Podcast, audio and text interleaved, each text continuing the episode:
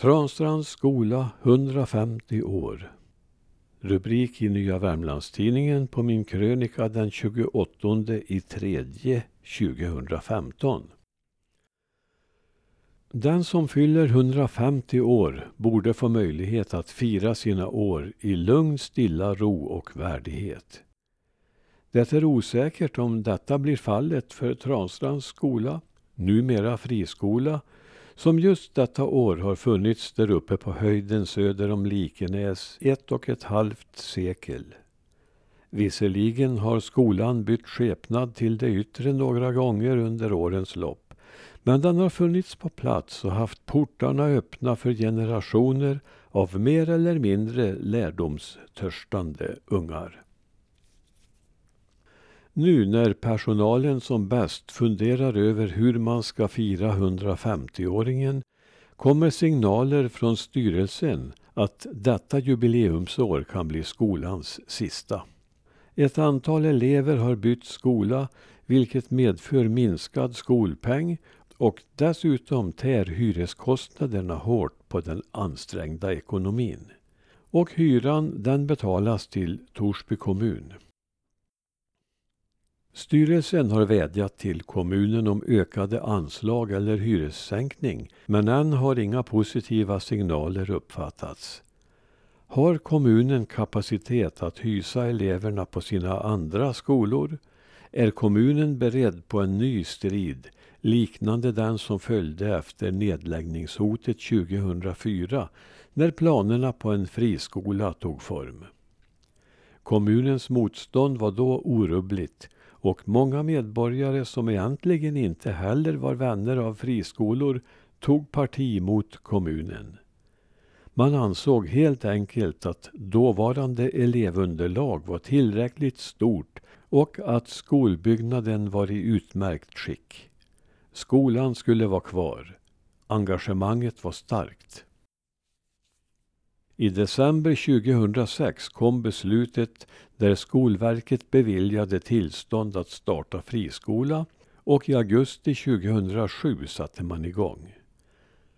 Men inte förrän våren 2009 var manglingen klar i alla rättsinstanser och Transtrands friskola kunde invigas.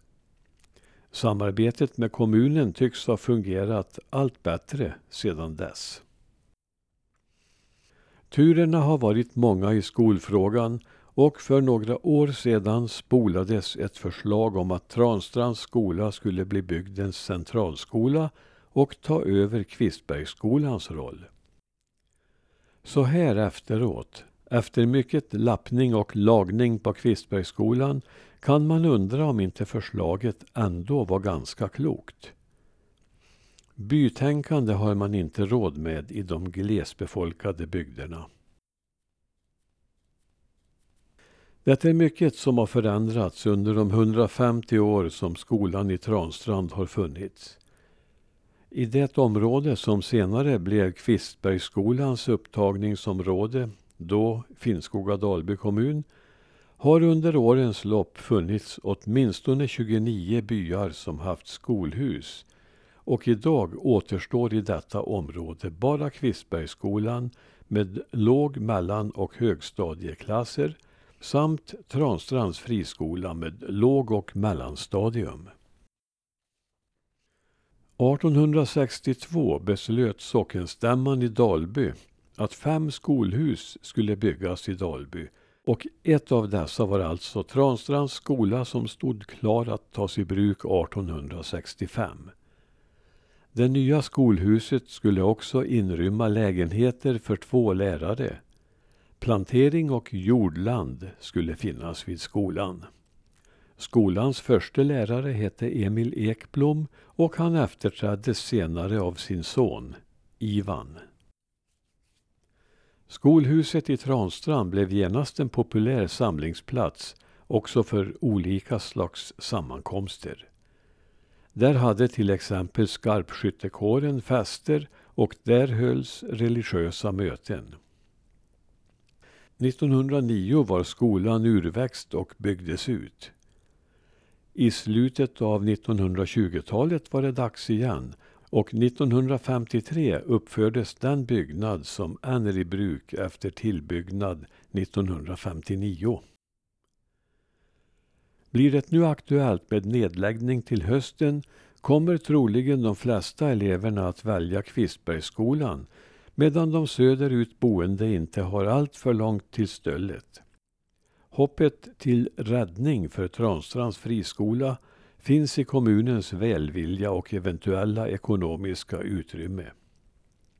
En alternativ plan för skolans överlevnad har lagts fram av Kristina Günther som har barn på båda skolorna och som själv är lärare på Kvistbergsskolan.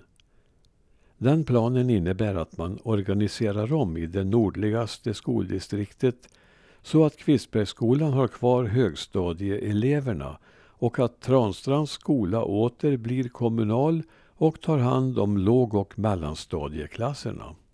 Vinsten med detta skulle enligt Kristina Günther bli mångfaldig. Man skulle kunna ha A-form, något som skulle höja kvaliteten på undervisningen menar hon.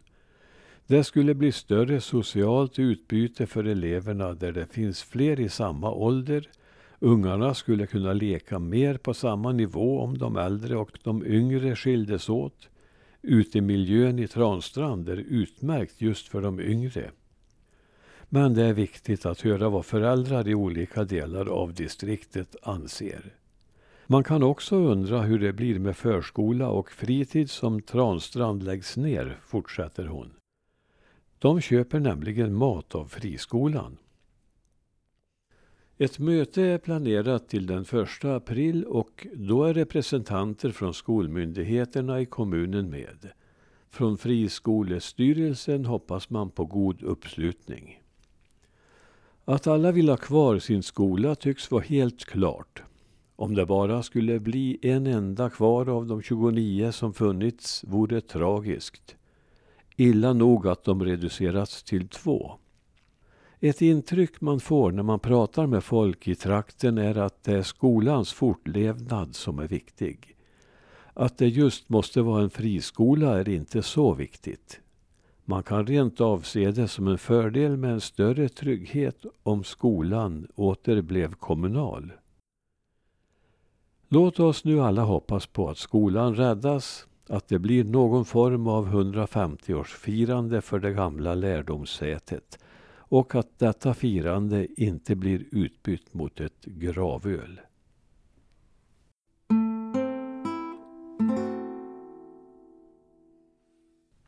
Så här i efterhand kan man konstatera att skolan fick leva vidare ett tag till. Men eh, 2020 då bar det upp till Sysslebäck med alla eleverna. Dagis och fritids vart kvar men eh, 2021 såldes skolan med löfte om att fritids och eh, dagis ska få vara kvar ännu ett par år åtminstone.